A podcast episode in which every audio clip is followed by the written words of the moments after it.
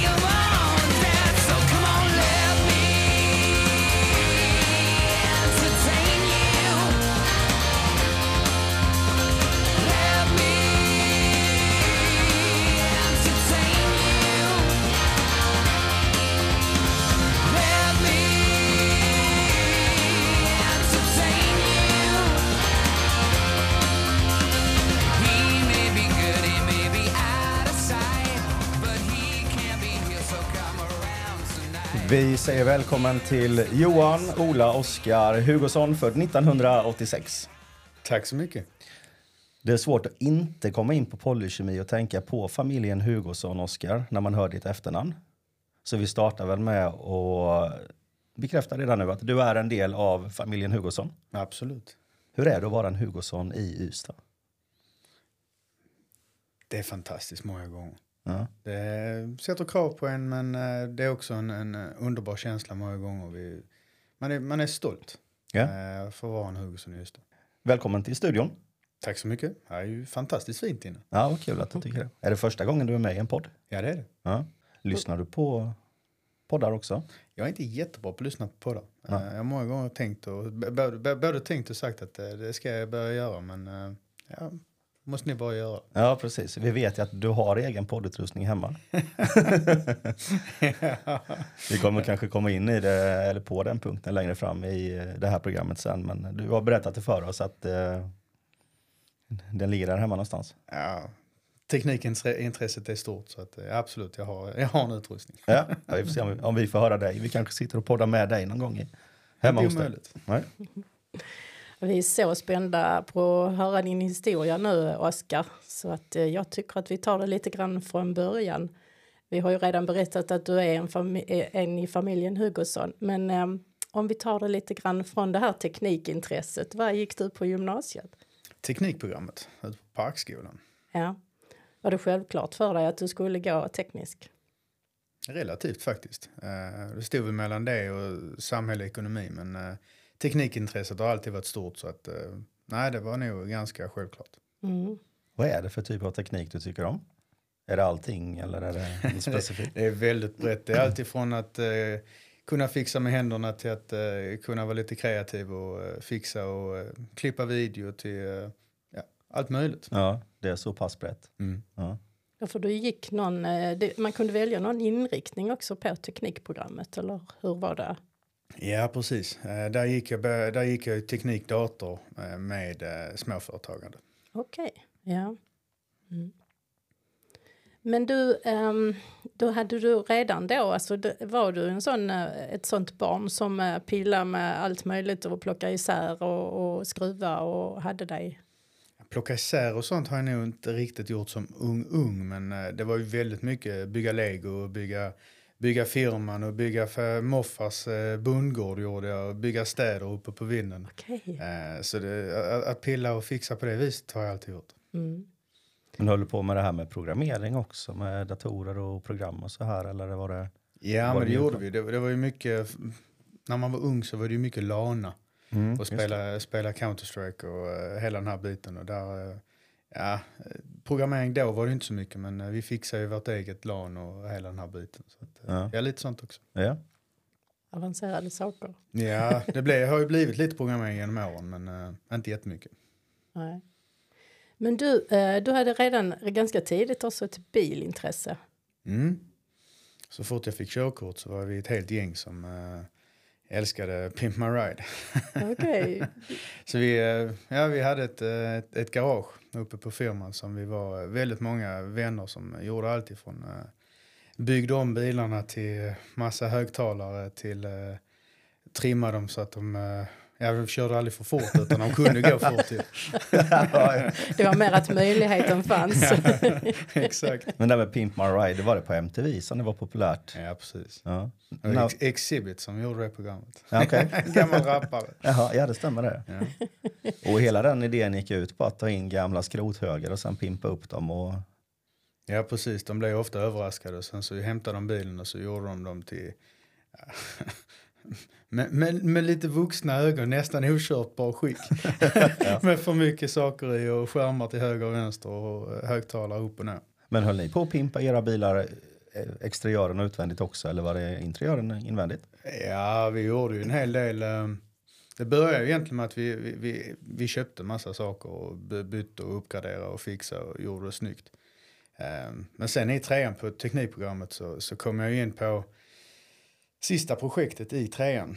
Då skapade jag och två polare en, eh, ja, eh, ett, ett loggsystem där vi fixade server och hela den här biten på teknikbiten. Och sen eh, det stora projektet var ju att bygga ett kjolpaket till min gamla Saab.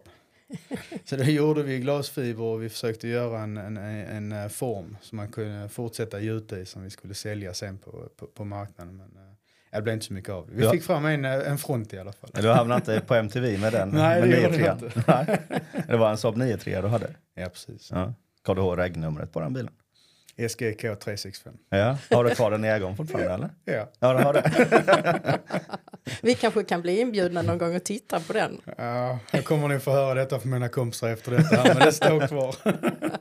Men hade ni eget garage så här också eller hur? eh? Vi hade, en, lit- eh, vi hade en, eh, en, en lokal på, eh, på firman som vi hade tillgång till. Mm. Som var, eh, ja till slut så var den ju en komplett utrustad verkstad. Var det det? Ja det var det. Men det var inte lyft och så här grejer i den? Jo eller? absolut. Det var det? Svetshörna, Jaha. flera stycken uppsättningar, arbetsbord och ja, ja, det var roligt. Det var en härlig tid. Ja. Men Då lärde du dig svetsa där också då i det läget eller hur? Ja, det var ju samtidigt som jag, som jag gick i skolan och egentligen fick mitt första jobb på, på Polykemi. Ehm, för, att kunna, för att kunna kombinera jobb med handbollen eh, så jobbade jag på underhållsavdelningen i verkstaden. Så jag, höll, jag, ehm, jag ville lära mig svetsa och det Mm. passade ju perfekt med det jobbet som jag fick. Så ehm, med hjälp av kollegorna eh, på, på verkstaden så lärde jag mig svetsa och eh, byggde då lite ställningar till maskiner och installerade med, med hjälp av de andra eh, verkstadsgubbarna eh, maskinerna på firman. Mm. Mm. Nu bara ha en till fråga kring det här med bilen. Jag kan inte släppa det i 9.3. eh, och de här glasfiberprodukterna som den skulle göra. Men ditt högtalarsystem i den bilen. Ja, det var, det var ett komplett system kan man väl kalla det. Det var, vad var det, nästan, jag tror det var 16-20 högtalare och tre basar och en 22 000 watt. Fick man plats att sitta i bilen ens? Ja, jag, jag plockade bort en, ett mittensäte bak men absolut fanns det fyra stolar kvar. Du satt inte på en baslåda. Nej, de var i, i, i bagaget. Hur mycket är 22 000 watt? Jag har svårt att relatera. Det låter väldigt mycket, men hur, hur mycket? Är... Alldeles för mycket. Ja, En vanlig högtalare i en bil har kanske 65 watt. okej, och du hade 22 000. Det där med de lokala radiostationerna, radioaktiv, det kanske var någon annan form av radioaktivitet som du hade som utstrålades från de här högtalarna. Ja, det, det, det var härliga idéer då. Ja. Ja, det finns bara möjligheter. Ja, precis. Ja. ja, men då går vi tillbaka igen till, eh, för du, du slutade gymnasiet och eh, hade du redan då, eh, du, du spelade handboll i IF och Mm. hade du kommit upp i A-laget då vid den tiden eller hur? Ja, precis. Jag hade ju eh, kommit hem från USA ett utbytesår där. Eh, Men i trean så fick jag mitt första kontrakt med A-laget. Mm. Eh, Och spelade i B-laget och i A-laget den säsongen. Och sen så tog jag klivet upp i A-laget mitt, mitt andra år under kontraktet. Och det var ju samtidigt som vi plockade upp YF från eh, gamla allsvenskan till gamla elitserien. Så det var en, en fantastisk tid. Med Robert Hedin och eh, Oskar Karlén i, eh, i spetsen i det hela där.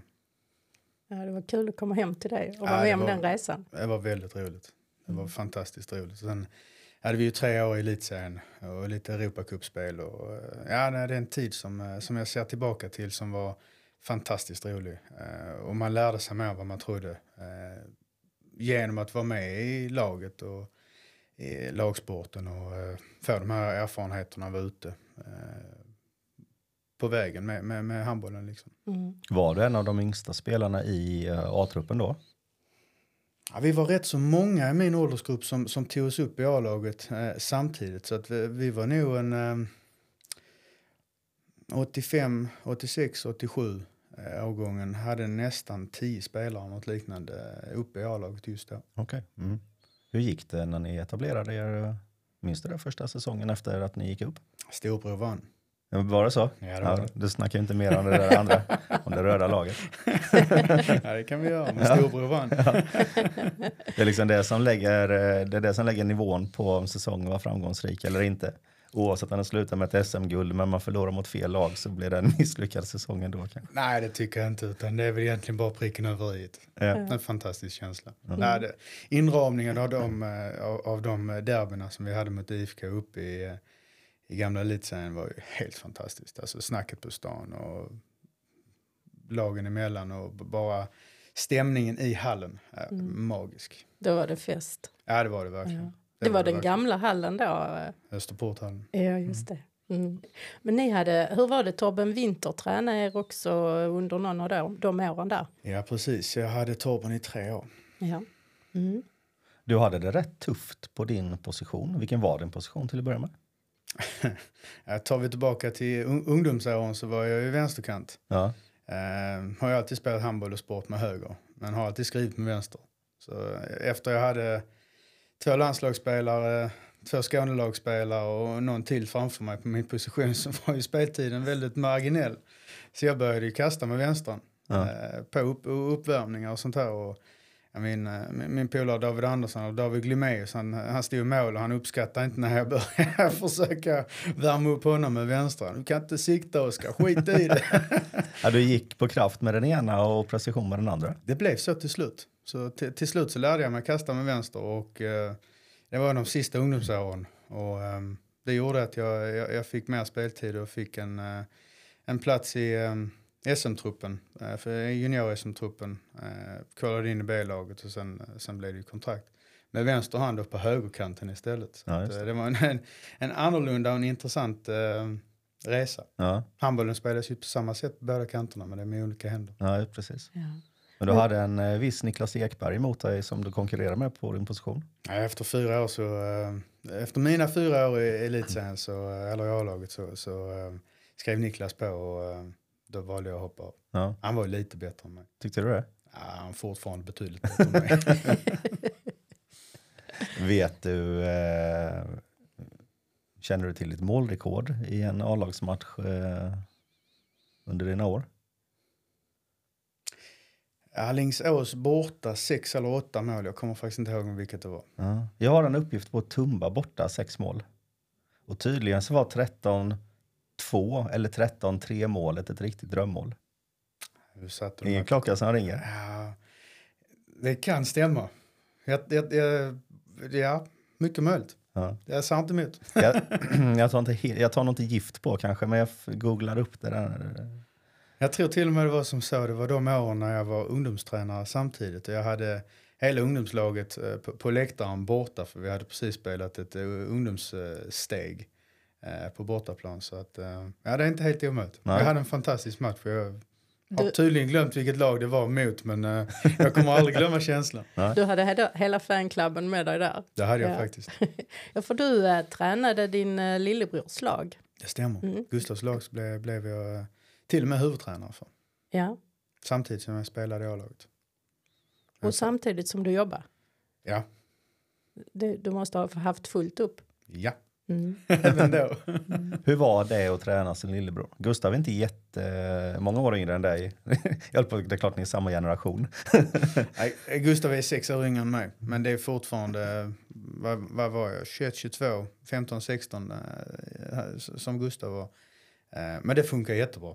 Eh, vi hade faktiskt inga problem. Utan eh, han var en i laget och jag var tränaren. Mm. Eh, och sen var vi bröder vid sidan om. Så det, det, det funkade förvånansvärt bra. Då fick du upp dem. Det var en ögonöppnare för dig för det här med ledarskap. Ja men det var det faktiskt. Jag tyckte det var väldigt roligt att, att inte bara styra laget men se framgången hos dem. Eh, De, gick, eh, gick, de kom ifrån lite motgång. De hade inte varit så många och det är svårt att, att, att spela handboll om man inte är ett, ett, ett fullt lag, liksom 12 man. Eh, eller 14. Eh, Men vi fick upp dem till ett rätt antal och eh, då kunde vi liksom börja spela på, på, på träningarna och det blev liksom ordentliga matcher av det och det, då, då, då blev det roligt för dem. Ehm, och det blev ännu roligare för mig för vi, vi, vi fick liksom vi fick ett, ett, ett, ett, ett gott gäng som gjorde bra ifrån sig. Nådde ni några framgångar med det laget? Eh, inga höjda framgångar men bättre än vad de hade historiskt. Så Ja. att, eh, absolut för mig så är det positivt. Var det någon spelare där som eh, gick vidare och blev eh, proffs eller känd eller landslagsspelare som du hade då? Den? ja men där är faktiskt en som, som är lagkapten idag. Jakob Nygren. Ja, okej. Han var med i det laget. Ja. Hur var det? Och Du var ganska ung tränare. Jag tänker egent, ibland kan det vara lite tufft att eh, ha föräldrar som ställer mycket frågor och tycker ibland att, att deras barn inte spelar tillräckligt mycket. Hur, hur funkar det? Det är alltid en utmaning. Ehm, och det är klart att, eh, att föräldrar ställer frågorna. Och många gånger så är det faktiskt föräldrarna som ställer fler frågor än vad barnen gör. Mm. Ehm, och, eh, jag kan inte komma ihåg att jag hade något problem med det, men jag hade ju säkert frågor. Ehm, jag har ju även tränat eh, ett, ett, ett annat UF-lag, eh, Jesper Lindgrens påg. Och det är mer i närtid. Och där, hade jag, där, där kommer jag ihåg att där fick, jag, där fick jag fler frågor från föräldrarna än, än, pojkarna på plan. Och då, bara, då får man ställa frågan tillbaka. Är det, är det du som vill att han ska spela mer eller är det han som vill spela mer?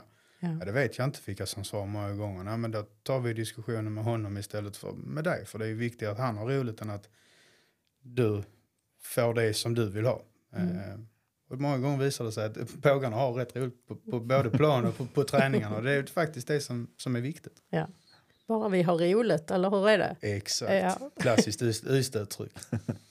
Men du, hur var det? Vi nämnde i början där att eh, hur det är att, att, vara en Hugosson i Ystad. Under din tid som handbollsspelare så var du både en IF-spelare och en Hugosson.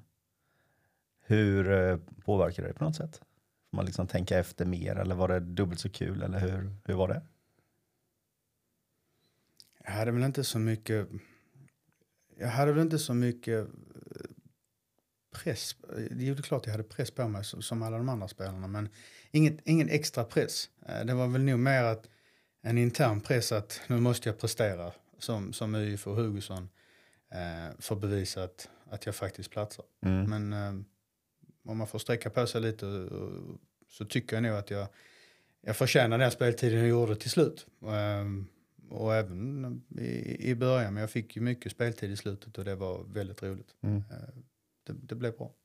Ni var ute i Europa och spelade då också. Ja, absolut.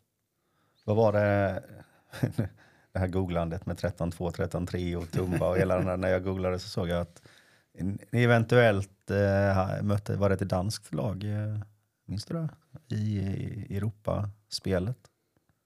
Jag såg du hade ett gult kort i alla fall. ja, det är mycket möjligt. Nej, det kommer jag tyvärr inte ihåg. Nej.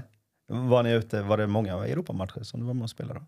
Ja, men vi var ute på ett par stycken. Jag tror vi var ute två säsonger på, eh, på Europacupspel. Mm. Um, nej, uh, inte sådana direkta uh, anekdoter från de, från de matcherna speciellt tyvärr. Det finns säkert någon som lyssnar på podden som kan uh, komma ihåg de här sakerna som vi har diskuterat nu. Så vi får se om det kommer fram svaren på de här frågorna. Ja, vi har en sån Q&A så att uh, fyll gärna på där i så fall om vi har några statistiknördar bland våra lyssnare. Jag har absolut mm. kompisar som kommer ihåg den statistiken. Ja. Som är bättre än mig på att komma ihåg ja, David Glimé ska skicka in vad han tyckte om dina skott med vänster. ja, du slutade. Du la, du la ner handbollskarriären. Ja, jag hittade, jag hittade utbildning istället. Mm. Ehm, och ehm, det, det, det blev en flytt till USA.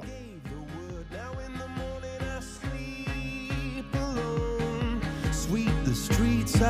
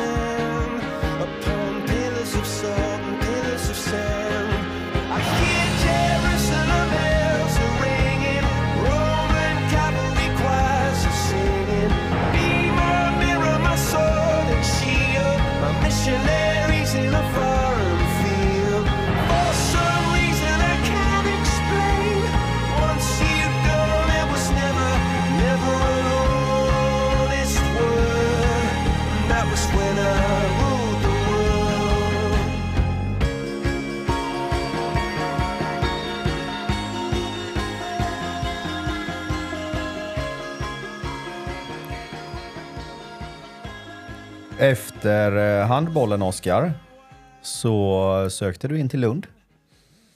Ja, men, eh, industriell ekonomi försökte jag komma in på. Ja. Jag blev uh, första reserv och de hade ett överintag så att, eh, det blev ingenting. Nej. Jag åkte faktiskt in på uppropet och försökte få en plats men där var alla, allihopa närvarande. Så Ja. jag, jag missade det. Det var så du fick åka hem Ja, igen. jag fick åka hem igen, det är helt sant. Se Oskar ta Var det 9-3 du körde in med då? Eller? det är därför de inte tog emot dig. Nej, det var det inte. Nej. Men då flyttade du, då hittade du utbildningar i USA istället. Ja, jag flyttade till Santa Barbara, norr om Los Angeles. Fantastisk del av USA. Okej. Jag hittade en, eh, en, eh, eh, business management-utbildning. Ett, eh, det började egentligen som att jag skulle vara där ett år. Men efter ett halvår så hade jag hoppat av den, ett certifikat som det var. Och hade bestämt mig för att jag skulle plugga vidare i USA. Så att, jag fick jag komplettera lite utbildningar eh, för att få behörighet till det, det, det stora programmet. Och sen så blev det ytterligare två år i eh, Santa Barbara, så tre totalt. Samma uni universitet då. Ja, precis. Ja. Santa Barbara City College. Hur är det att flytta från Ystad till Santa Barbara? Vi mäter snön på ungefär samma sätt. Hade- Vi hade 30 centimeter snö, men det var, det var liksom en linjal storlek på snön. Det var inte djupet. Lite, lite varmare kanske också. Ja, helt fantastiskt. Det- De har ett annat upplägg på, på eh, skolan i USA. Det är lite av en hybrid mellan gymnasiet och, universitetet här hemma. Så att man måste ju ha eh, idrott på, schemat även på universitetet. Jaha. Så att eh, jag hade, jag hade, en termin hade det tuffa eh, jobbet att ta med mig min surfbräda ner på stranden för att få betyg i hur man surfade. Gick det bra då? Att surfa? Ja, det gjorde jag. Jag ställde mig upp ett par gånger. Och jag, lyckades på, jag lyckades på proven också. För nå- nå- någon aka- akademi var man tvungen att ha på de här eh, kurserna också. Så att eh, jag lärde mig med olika sorters vågor och ja, det ena och det andra. Är du surfar du fortfarande då? Jag skulle nog kunna eh, efter ett tag kunna ställa mig upp men jag ska inte påstå att jag är duktig på det. Nej. Vi ska inte prova, vi ska inte prova senare i vinter här ute. Nej, jag har ingen våtdräkt eller torrdräkt så det, skippar vi. Hur var det att studera i USA? Eh, hur är mentaliteten där gentemot den svenska skolan? Um, lite annorlunda för att de, är...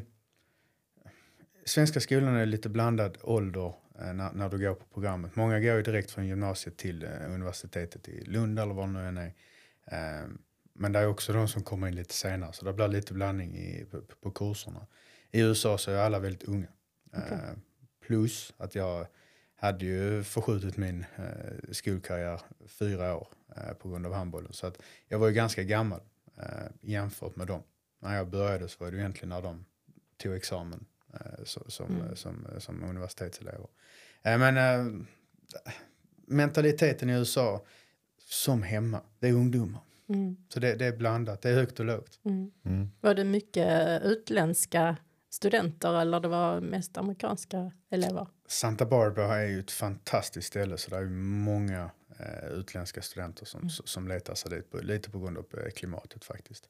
Eh, så det var ju många svenskar som bodde där. Vad gör man på fritiden i Santa Barbara? Ja, som student så gör man det som man gör i Sverige Ja. också. man har väldigt roligt. Ja. Eh, ja, men det blev väl en hel del eh, party. Eh, tränade en del. Eh, eh, jag spelade faktiskt amerikansk fotboll också. Mm. Det var i Santa Barbara som du gjorde det? Ja, absolut. Ja. Hur gick det då? Det började som ett bett med min, med, med min rumskamrat som hade spelat amerikansk fotboll i Sverige. Han ville vara med men han ville ha någon att träna med, någon att gå till träningen med. Så jag bara, ja, ja. behöver ju faktiskt någon idrottslektion till. Eh, började som så att jag, jag, jag följde med honom och på sommaruttagningen så eh, fick jag en plats. Jag kunde ju fånga, alltså det var ju inga problem. Nej, det hade jag ju sen handbollen. Ja. Eh, Så jag försökte ju bli en tight end. Yt- yttersta killen i linjen som då ibland springer iväg och fångar. Ehm, och kom med. Men sen så bytte jag position till fullback. Och då blev det ingen, eh, då blev det ingen bollkontakt utan det blev bara buffling. Men det var roligt på ett annat sätt. Jag är rätt kass på amerikansk fotboll. Man, man kastar, springer man bara med bollen eller man kastar den framåt också? Nej, där finns ju en quarterback som kastar den då också. Då, då är det ju receivers. Ja. Killarna som står längst ute på, på, på, på kanten som eh, springer, fram och eh, springer framåt och så fångar de. Ja. Men Du, hade, du borde kunnat kasta bollen också om det hade... Ja, de killarna som kastar en boll, det är en spiralboll.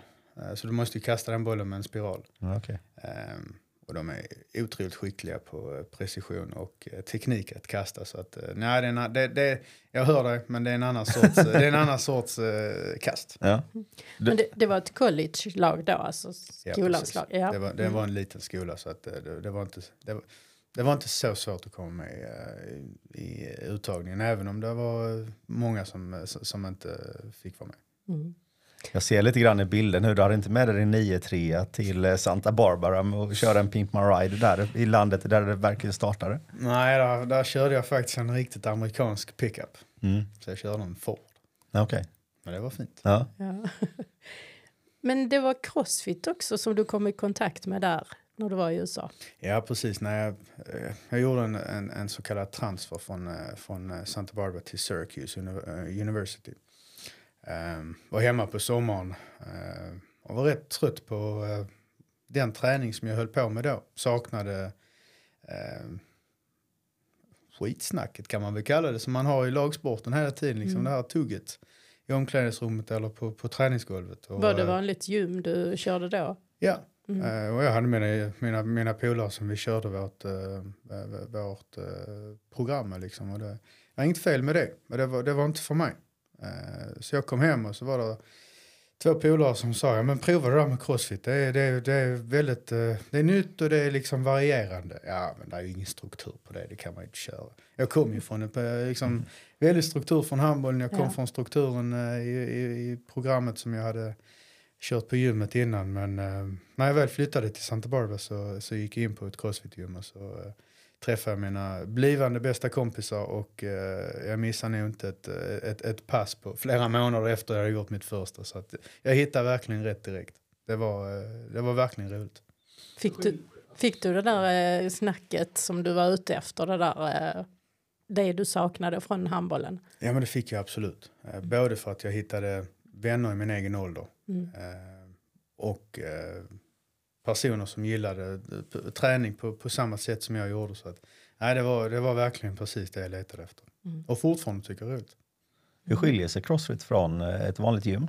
Själv är jag rätt oerfaren när det gäller både och framförallt crossfit. Vanliga, alltså vanliga gym har ju även högintensiv träning så det, det är ju grupppass eh, som man egentligen förknippar crossfit med.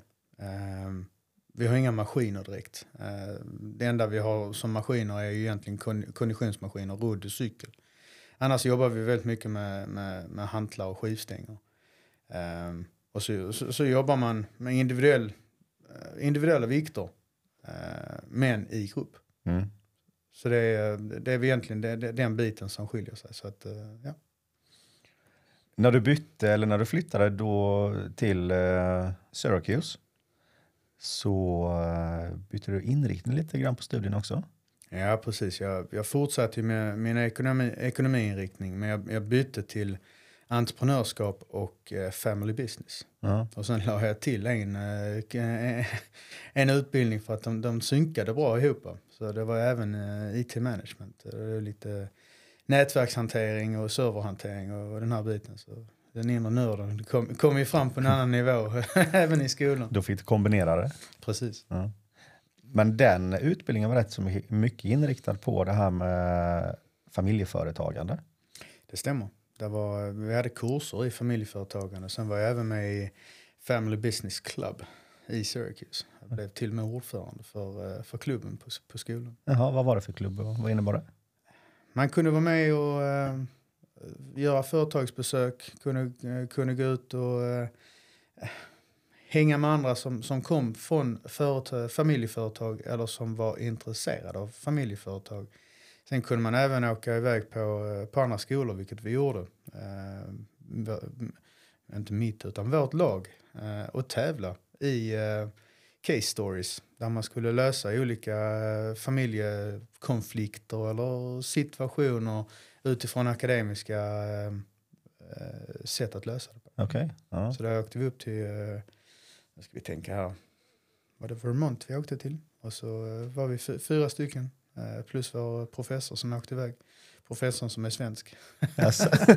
Hade ni matchkläder på er då när ni körde iväg dit? Nej, jag köpte en, eh, en orange slips med Syracuse-emblemet på.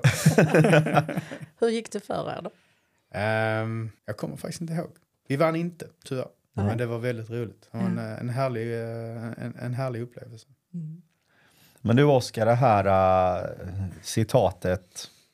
Vi ska inte ha något jävla familjeföretag. Det är ju farfar. Ja, precis. Ska du inte berätta? För att nu är du inne på och uh, studerar och pluggar i USA uh, familjeföretagande. Det var ju det ni inte skulle ha. Nej, precis. Det är, det är idag pappas favoritcitat från farfar. Det var väldigt många år sedan som de satt vid bordet där hemma eh, en söndagmiddag så sa farfar till eh, pappa och Lars att vi ska inte ha något jävla familjeföretag. Vad han menade var egentligen att vi ska inte ha någonting som inte, som inte är hållbart. Liksom. Vi, ska, vi, ska, vi ska driva vårt företag på vårt sätt. Um, och nej, när jag väl bodde i USA så var det egentligen inte min tanke att flytta hem mot min mors stora fasande. Eh, men jag trivdes i USA och ville, ville egentligen uh, se om jag kunde hitta en karriär där borta. Mm. även efter skolan. men hittade inte riktigt rätt. Och när jag väl hade tagit examen så fanns det en öppning på, på familjeföretaget. Vårt ena dotterbolag Scanfil hemma mm. i en teknisk säljtjänst. Och, efter att ha varit borta i fem och ett halvt år så hade jag inte direkt hemlängtan. Men jag saknade familj och vänner så att, eh, det var ganska naturligt. Mm. Hur gammal var du då, Oskar? 27, mm. tror jag jag var. Mm. Men det här citatet bottnade lite grann i också att det var viktigt för din farfar att eh, ni inte skulle åka in i företagande på någon räkmacka utan att ni skulle förtjäna de rollerna i företaget som ni skulle få om ni skulle få någon. Ja men absolut, det är, det är också där citatet kommer från. Eh, farfar jobbar ju på Persöner eh, från början innan han startade Polykemi. Och där var det ju vida känt att eh, vissa högre positioner de hade ett speciellt efternamn och hade fått dem på grund av det. Och inte på grund av kvalifikationerna. Och det, det var ju det farfar absolut inte ville skulle ske. Och det har ju både farfar och pappa och Lars sett till. Eh, så att vi har inte fått några jobb som vi inte faktiskt eh, klarar av eller inte bör ha. Och där lever vi fortfarande idag. Mm. Men då fanns det ett projekt som hette Scanfil. Ja, precis. Det var egentligen innan jag flyttade till USA. När jag lärde mig svetsa så var ju projektet Scanfil. Eh, och sen så flyttade jag iväg, eh, gjorde mina studier. När jag väl kom hem eh, så hade ju projektet Scanfil blivit eh, företaget Scanfil. Hade kommit igång. Maskinen som jag installerade, hjälpte till att installera och svetsade rigg till eh, var igång. Eh, men eh, vi skulle göra en liten satsning och, och, och, och ta in en säljare till. Eh, och det blev jag. Hur hade, var du mycket uppdaterad när du var iväg i USA under alla de här åren på projektet Scanfield? Dina stativ som du hade svetsat och när du kom tillbaka så var det, hade det blivit ett företag av det. Det måste vara rätt häftig, en rätt häftig upplevelse att komma hem till det. Jag måste nog göra dig besviken och säga att jag hade noll koll på Sverige när jag bodde i USA. Var, varken handboll, musik eller någonting eh, stort eh, eller detaljerat kring företaget. Så att, Ja. nej, jag hade noll koll när jag kom hem. Jag blev faktiskt inte besviken. Jag blev mer, fasen var kul att kunna släppa det på det sättet och sen komma hem och verkligen bli överraskad av det man ser i så fall. Alltså det är fortfarande musik som jag inte känner igen ibland. För fem och ett halvt år borta, du går Mm. igenom rätt lång tid där du, där du inte vet vi, eh, x antal a- artister eller vad det nu än kan vara. Så att jag, jag blir fortfarande idiotförklarad. Men fan, en jättekänd låt. Den har legat, legat på toppen hur länge som helst. Ja, nej, inte i min värld. Inte du i USA då. Nej, precis. Det var en helt annan musikgenre som var då. Men du följde just IF eller? inte alls. Det gjorde inte det? Nej. Nej. det är ett par år som jag till och med inte vet vem som spelade i A-laget. Jag släppte det helt för att jag, jag var tvungen att fokusera på mitt där borta och det jag gjorde. Och att se på matcher mitt i natten, ja, jag hade önskat att jag hade haft ork och tid och människan klarade av så att jag kunde titta på amerikansk fotboll nu på nätterna. Men det, nu har jag fått släppa det också. Liksom. Så det, det är ganska naturligt när man, när, när man, för mig i alla fall, när man flyttar till andra sidan jorden att, eh, att det blir ett bryt i alla fall. Att, att, att det blir svårt att hålla kvar vid gamla vardagen när man får en ny vardag. Mm. Man, man går så in i det nya som man lever i så att man vill kanske hellre fokusera på det. Jag ville det i alla fall. Ja. För att, eh, jag försökte plugga under handbollsperioden men eh, det gick inte överhuvudtaget. Så att det, var, det, var ett foku- det, var, det var mitt sätt att fokusera på, på, på mitt nu. Mm. Men Scanfil, eh, vad, vad är det Scanfil gör för någonting? Du byggde någon maskin, men eh, för de som inte känner till Scanfil, Men gör inte berätta. alla det? Nej, jag vet inte. Var det en maskin med 22 000 watt i som du byggde? Nej, inte alls faktiskt. Det är nog ännu mer watt i denna maskinen. Ja. Om det nu är rätt eh, elenhet, det vet jag inte. Det är nog ampere vi räknar. eh, Scanfil eh, producerar förpackningsplast. Mm. Eh, och Till? den ja, till alla sorters förpackningar egentligen. Mycket går till eh, eh, livsmedelsindustrin. Eh, salladstråg, lock till salladstrågen som, man, eh, som, man kan plocka i affärerna här, här i Ystad på Willys eller vad, något liknande. Färdigrättstråg som man kan sätta in i mikrovågsugnen. Mm. Eh, men vi gör, ju- vi gör ju själva plasten till de som sen formar förpackningarna. Så vi, eh, vi, vi, vi, vi köper in det som Polishme producerar till exempel. Antingen råvaran eller eh, ett specialmaterial som vi kan producera själva. Och sen så eh, extruderar vi. Vi, eh, vi, vi, eh, vi, extruderar på rulle. Så att, eh, det är eh, en, en, en lång rulle med eh, plastfolie. Mm. Eh, de kan vara upp till två, två och en halv kilometer långa de här eh, rullarna. Liksom. Och sen så går det in i maskin som sen eh, vakuumformas hos våra kunder. Eh, För oss lekmän kan man säga att eh, Polykemi producerar eh, granulat, riskorn Yes, och eh, Scanfil plast på rulle. helt rätt. Om jag förenklar väldigt mycket. Men, ja, helt rätt, spot on. Ja. Och Scanfil är ett dotterbolag eh, till Polykemi. Ja, precis, helt rätt. Mm. När du kom in på Scanfil, vad hade du för arbetsuppgifter då när du kom hem från USA? Eh, jag var säljare Mm. Och är fortfarande till stor del säljare. Eh, även om jag har många andra arbetsuppgifter idag som jag inte hade då. Ja.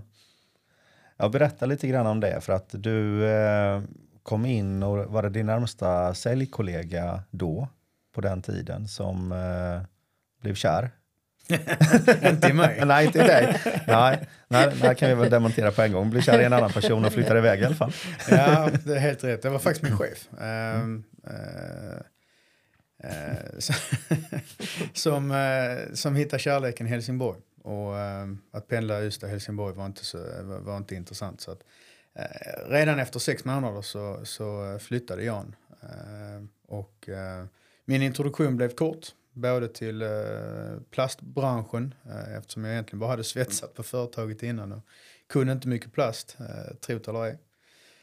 Um, men även eh, ansvarsbiten i att eh, ansvara för eh, försäljningen som jag efter ett samtal med pappa accepterade. Jag accepterar utmaningen liksom. För de, de, ja, pappa kom in och frågade ja, nu när, när Jan sticker, är, är, känner du att, du att du klarar det? Ja, det vet jag inte. Men jag, kan jag bara få lite hjälp och lite vägledning så ska vi nog rea ut, detta, sa jag till pappa. Och, ja, jag fick ansvaret för försäljningen och gick vi, så, så, fick vi gå vidare på det viset. Ja.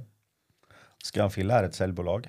Eh, absolut, all ja. produktion ligger i, i, i Polishemy så som vi har det upp, uppbyggt idag. Men därmed är det också mycket fokus på just försäljning? Min, min, min del är ju majoritet försäljning och, och um, strategi kring uh, hur, hur, hur, vi ska ta bolaget vidare. Liksom. Mm. Uh, produktionen och, och, och, det ansvaret ligger ju på min kusin Herman egentligen. Ja. Det yttersta ansvaret efter ett tag så blev du eh, vice vd och sen även sedermera CEO för Scanfil. Ja, precis. Som du är idag. Ja, det var ganska naturligt. Eh, allt eftersom vi, vi kom in lite överallt så, så eh, Tyskland är, är, är väl ett sånt, för, eh, ett sånt land där en titel är extremt viktig för att kunna få lov att prata med rätt personer för att komma vidare i, i texten och komma in på rätt ställen för att sätta projekten och, och sådär. Um, och jag fick mer och mer ansvar så då blev jag vice vd. Sen så blev jag vd för ett par år sedan. Um, och det var också ganska naturligt uh, i processen som, som företaget var i uh, internt. Uh, vi var lite lillebror inom koncernen och eh, svårt för, svårt för pappa att uh, egentligen sätta sig in i den biten också. För det, vi är lite den svarta fåret inom koncernen. För vi, vi, vi, är ganska annorlunda även om plast är mm. plast i må, mångas ögon. Så blir teknikerna gramse på mig när jag säger så. För det är inte så. Det, det, det, är väldigt annorlunda. Och eh, det är rätt mycket eh, speciell kunskap som, som ligger hos Canfil som inte ligger på Polishme och vice versa såklart. Mm. Eh, så någon behövde det yttersta ansvaret att faktiskt driva vidare bolaget som, som, som, som börjar bli betydande. Eh, vi omsatte väl i runda slängar 40 miljoner så att det, det, det blev liksom någonting av det då. Mm. Mm. Vad är skillnaden? Är det i produkten plast eller är skillnaden i eh, kundkunskapen att det är olika kunder mellan Scanfil och Polykemi? Tänker jag? Jättestor skillnad i kundstocken. Eh, vi sitter med livsmedelsgodkännande istället för att förenkla att Polykemi sitter med krocksäkerhet. Mm. Alltså bilindustrin är den stora biten för Polykemi och där är ju helt andra krav jämfört med om du ska lägga en lasagne i, en plastförpackning än att någonting ska hålla för en, en krocktest till mm. exempel.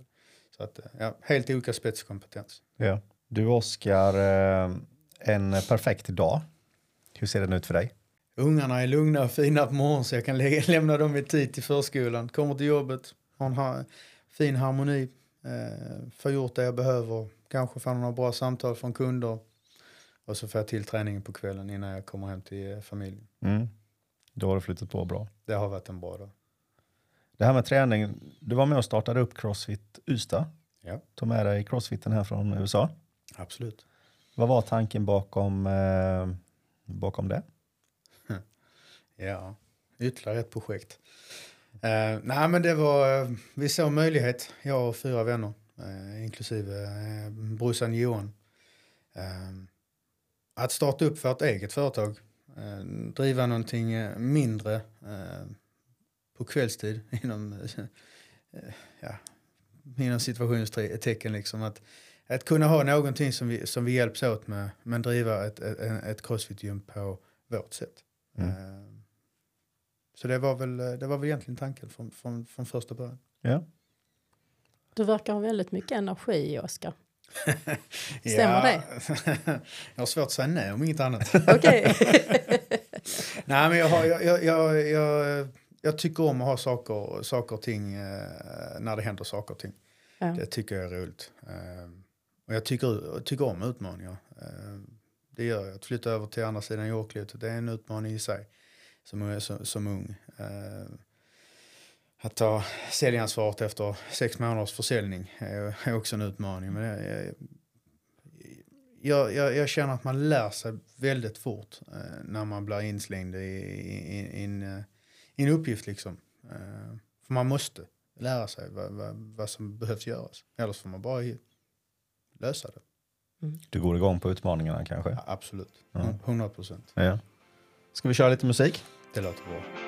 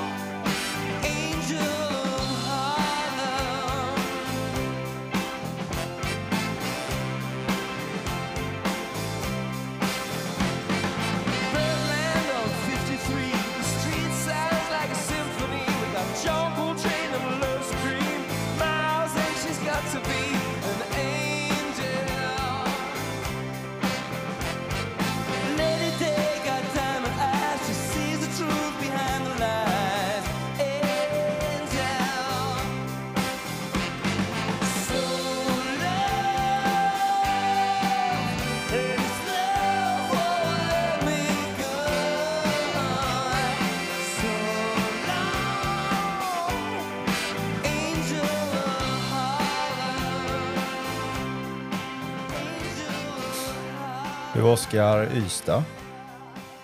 Vad betyder Ystad för dig? Ystad är stort för mig. Eh, Ystad är... eh, Ja, men det, är här, det är här jag har mitt. Eh, Så det är... Nej, men det betyder mycket. Allt ifrån staden till, ja, till handbollen, till företaget, till familjen. Har du några drömmar och visioner? Vad du tänker dig här fram, framöver? Ja, drömmar och visioner.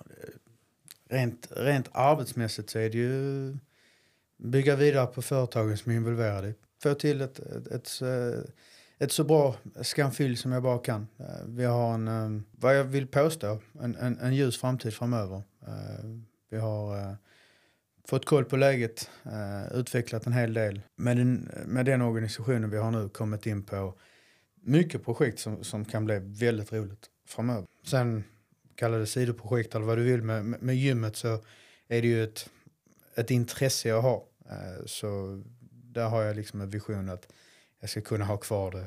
Eh, så att jag har någonstans att träna. Det låter lite, lite konstigt men det, det, det, det, där ligger väldigt mycket sanning i det. Eh, det är inte min huvudsyssla så att kunna, kunna jobba vidare med, med de som, som, som hjälper mig där och få till ett, ett så bra crossfit-gym vi bara kan. Men Pimp My Ride-projektet, det ska du inte hämta upp igen? eh? Det är väldigt långt, långt ner på min priolista. Det- jag har svårt att säga att det eh, ska bli prioriterat just nu. Du kom hit idag så du har lämnat in eh, bilen på däckskifte. Är det viktigt för dig hur fälgarna ser ut? Ja, det kan man väl tycka Ja. faktiskt. ja. Många tum har du? Ja, detta är familjebilen så det är en 19 tums fälgar på en Volvo. Ja. Ja men det är inte för skam.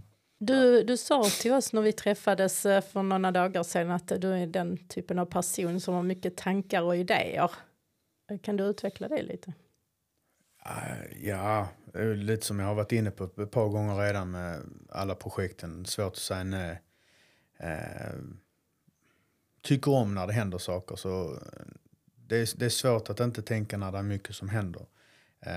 Och när det kommer till Scanfil så, så tycker jag det är väldigt roligt och egentligen polish mig också att, att tänka framåt. Eh, tänka strategi och tänka liksom möjligheter. Eh, vad gör vi? Kan vi göra det på ett annat sätt? Finns det andra saker vi kan göra?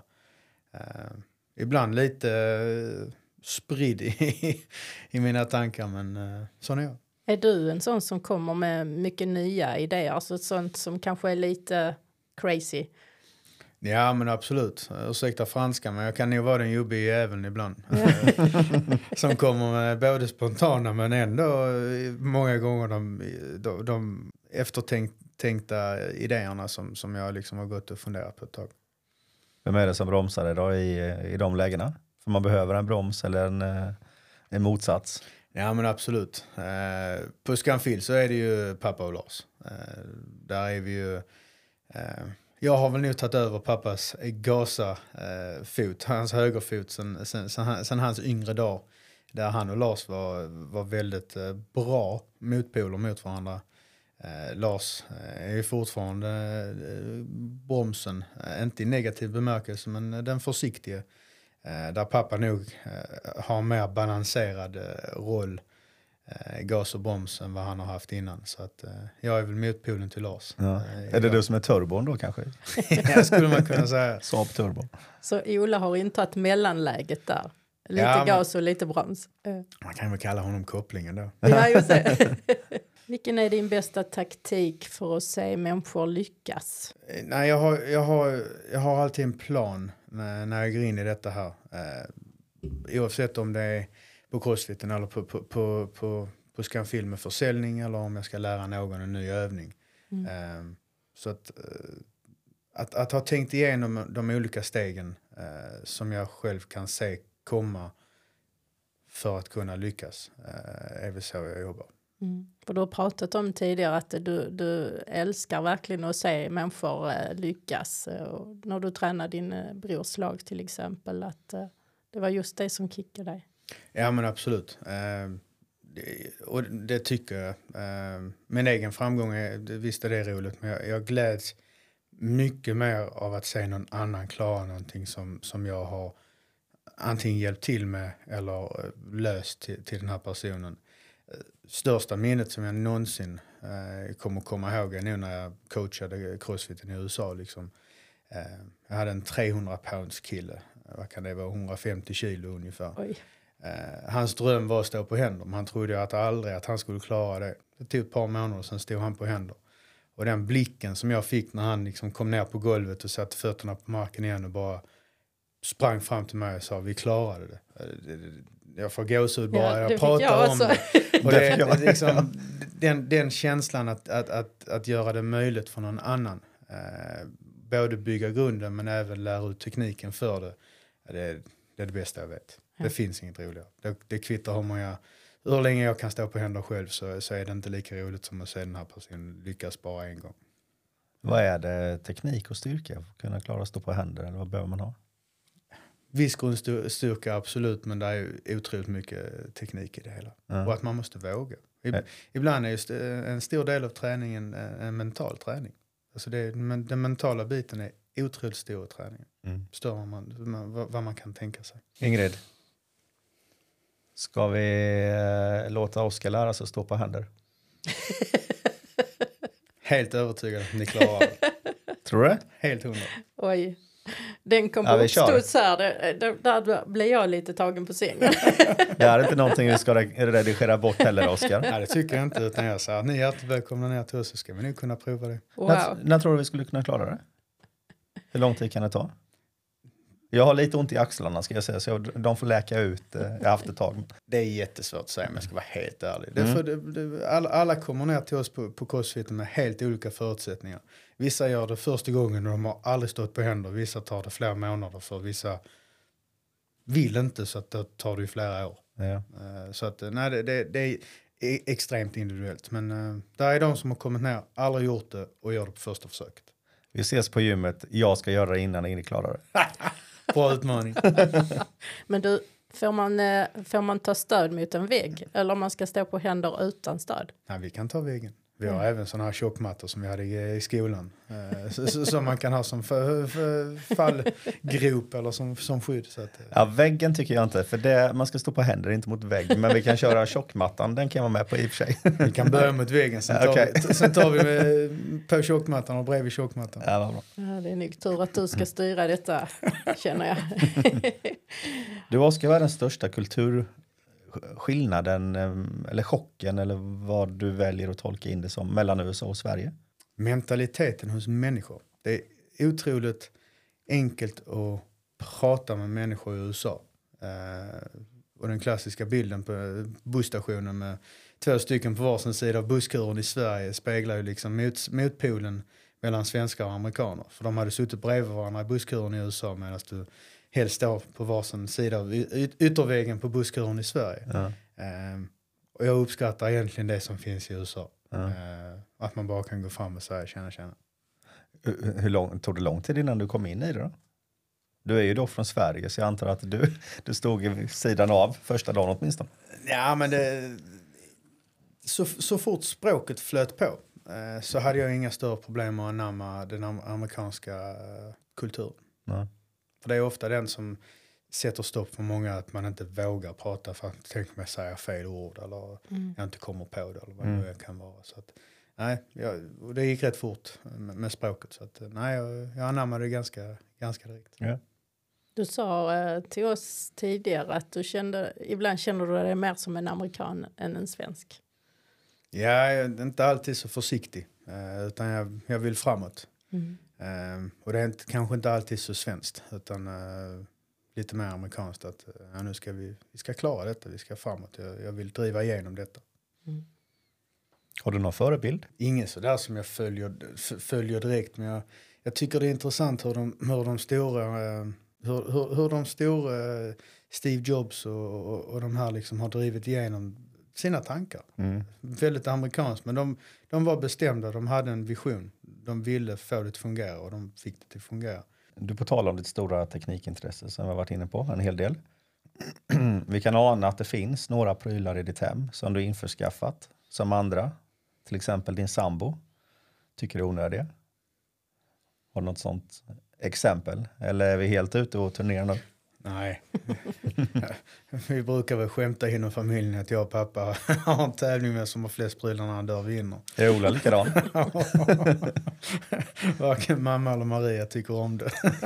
Vem leder den här teknikracet mellan dig och Ola? då? Ja, Pappa har ju levt länge så han har ett litet försprång men jag kämpar fortfarande och jobbar på det. Ja, jag har absolut saker som, eh, som min sambo Maria inte eh, tycker jag borde ha köpt. Men, Ja. Jag har för stort intresse i att, att eh, prova på saker och, och, och, och, göra någonting med det som eh, gör att jag nog har eh, köpt med vad jag borde. Mm. Ja, det finns någon podcast och även en drönare och sådär. Ja, vi har både podd och drönare och lite videoredigering så att ja, jag, jag, tycker det är roligt. Sen om jag borde köpt eller lånat det är en annan femma. Händer det ofta att du stöter på människor som har förutfattade meningar om plast?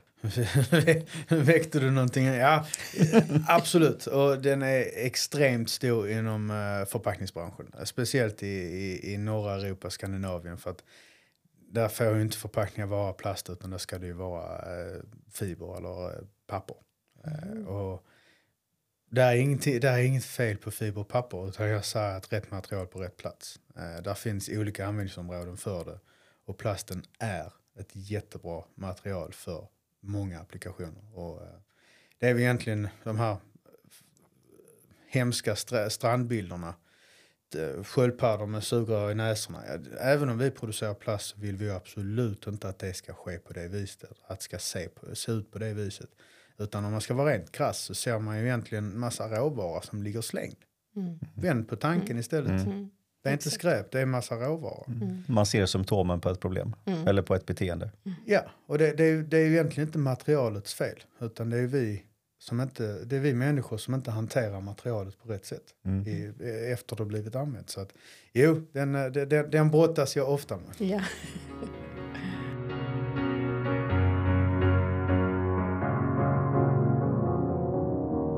Cause you're a sky, cause you're a sky stars.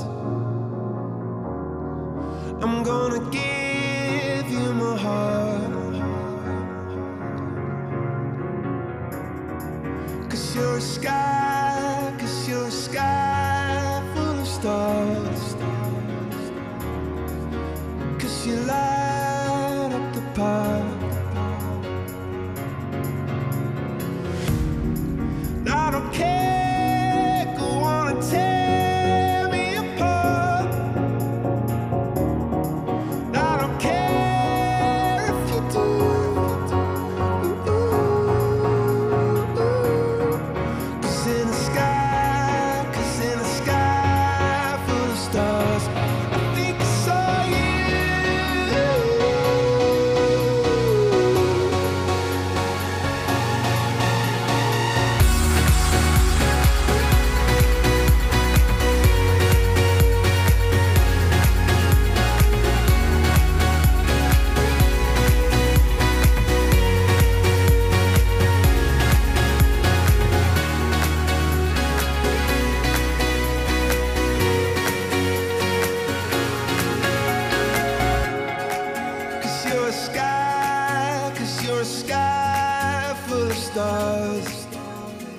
Vet vad Oskar, vi är framme vid eh, höjdpunkten. Det handlar om eh, några snabba frågor. Du funderar max eh, en sekund. Eller där, där under. Beredd? Ja, Programmera eller svetsa? programmera. Spela handboll eller träna handboll? Träna handboll. Starta ett nytt projekt eller optimera ett befintligt? Starta ett nytt. Innovativ eller effektiv? Innovativ. Ge feedback eller ta emot feedback? Yeah. Midsommar eller jul? Jul. Guld eller plast? Plast. Stort tack snälla Oskar för att du tog dig tid att komma hit idag till vår studio och vår podd. Tack så jättemycket för att jag fick komma.